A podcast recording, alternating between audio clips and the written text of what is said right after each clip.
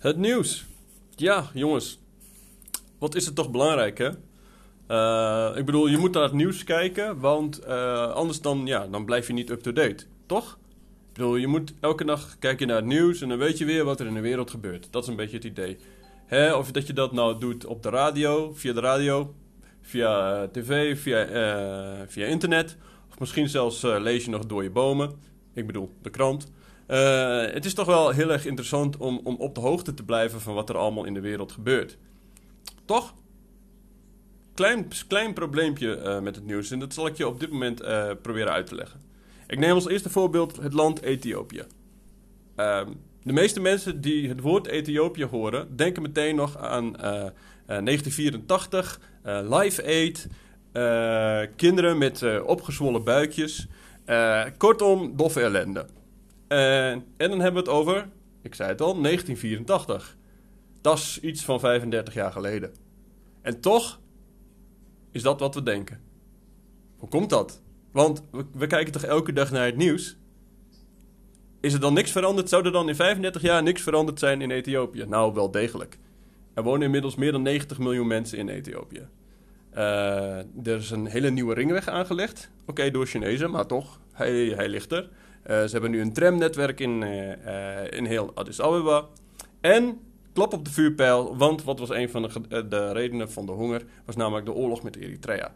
Nou, die is al lang afgelopen. Sinds, ik denk 19, ik geloof dat moet, hè, ik bedoel, ik moet het ook zelf maar uit mijn hoofd doen. Ik geloof dat rond nu, sinds 1996 is daar geen schot meer gevallen.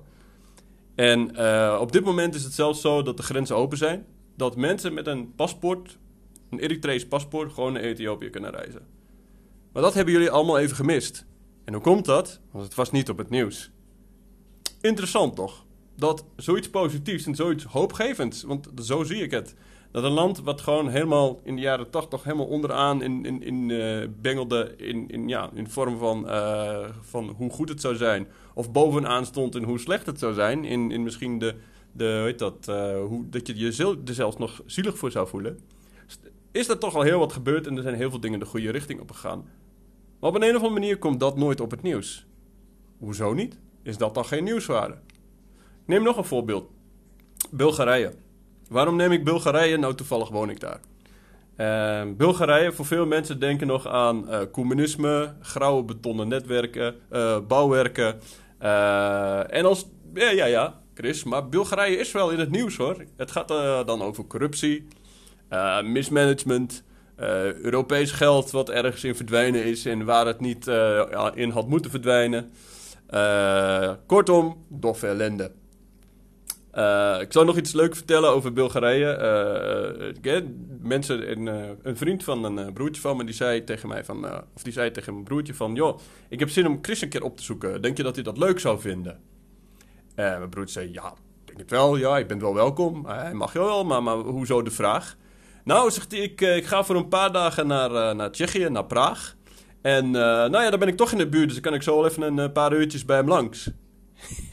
Mijn broertje die had dezelfde reactie als ik nu, begon te lachen. Die zei, maar hoe, bedoel je, je bent in de buurt? Nou ja, Praag, Tsjechië en, en Bulgarije, dat is toch allemaal Oost-Europa? Het ligt toch allemaal dicht bij elkaar? Nou, zegt mijn broertje, ik weet niet of je wel eens op een kaart gekeken hebt. Maar ehm, als je naar Praag gaat, dan ben je ongeveer nog niet eens halverwege, zeg maar. Oké. Dus hij beloofde om naar een kaart te kijken. Maar hij zegt, waar ligt Bulgarije dan? Het, is toch Oost-Europa? Ja, dat zegt mijn broertje, dat klopt, het is wel Oost-Europa. Maar het ligt tegen Griekenland en Turkije aan. Oh, dus dat veranderde de zaak een beetje. Wat ik hiermee wil zeggen is, uh, dat nieuws, en deze meneer is echt wel een volger van het nieuws, is een ondernemer, uh, wil graag ook bij de tijd zijn, had dus geen idee, ondanks het feit dat hij goed geïnformeerd, tussen aanhalingstekens was, uh, waar Bulgarije nou eigenlijk lag. Uh, een ander ding, wat ook wel leuk was, een andere vriend van me, die zei, een vriend van me die zei een keer, ja, Chris, je kan toch wel zien hè, dat uh, Bulgarije door de Russen bezet is geweest en dat communisme en dat er heel veel invloed vanuit Rusland is, hè, want, want ze hebben nog steeds het Russische alfabet. Ja, en als je nou even iets meer had gekeken, of iets meer onderzoek had gedaan, had je namelijk geweten dat het Cyrillisch alfabet, zoals het leest, eigenlijk in Bulgarije uitgevonden is en later de Russen het overgenomen hebben. Dus dat heeft helemaal niks met Russische invloed te maken. Maar goed, we kijken allemaal naar het nieuws, want we zijn goed geïnformeerd. Toch? Nou, nee dus. Wat is het moraal? Waar wil ik eigenlijk naartoe met dit stukje? Goeie vraag, hè? Zoals je op vijf minuten zit van je podcast. In elk geval, wat ik hiermee wil zeggen is... ik volg het nieuws heel matig. Waarom? Het blijkt wel dat er op een, een of andere manier... toch niet heel veel connectie is met de echte werkelijkheid. Dus wat is er nou echt aan de hand? Wat is er op langere termijn aan de hand? We kijken naar hele kleine snapjes, snapjes informatie... en we, we, en we concluderen daar een bepaald wereldbeeld uit. Beeld uit. En in het geval van Ethiopië en zeker ook in het geval van Bulgarije. Want Bulgarije is een land waar je kan skiën, waar je kan zwemmen in de zee. In de Zwarte Zee is echt heel super. Uh, je kan wandelen in de natuur. En elke 50 kilometer heb je een compleet ander landschap. Echt serieus, kan ik je garanderen. En meestal mensen die ik hier tegenkom zijn super vriendelijk. Oké. Dat is iets anders en dat hoor je niet op het nieuws. En hetzelfde is met Ethiopië. Dat Ethiopië bezig is met een heel belangrijk vredesproces. En belangrijk, nog beter, uh, belangrijk is dat twee mensen of twee volkeren bij elkaar komen. Die eigenlijk, wat, altijd, wat, eigenlijk één volk is, maar wat door politieke redenen uit elkaar gehaald is. Oké, dit is een beetje een politieke uitspraak. Uh, ik snap het. En dat komt niet op het nieuws.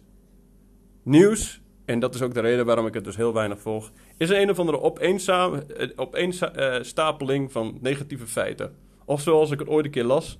Het nieuws begint met goedenavond, om daarna te bewijzen waarom het niet zo is. En daarmee wou ik eigenlijk afsluiten. En uh, als je echt iets nieuws wilt volgen, volg dan gewoon mijn podcasts. Dikke doei!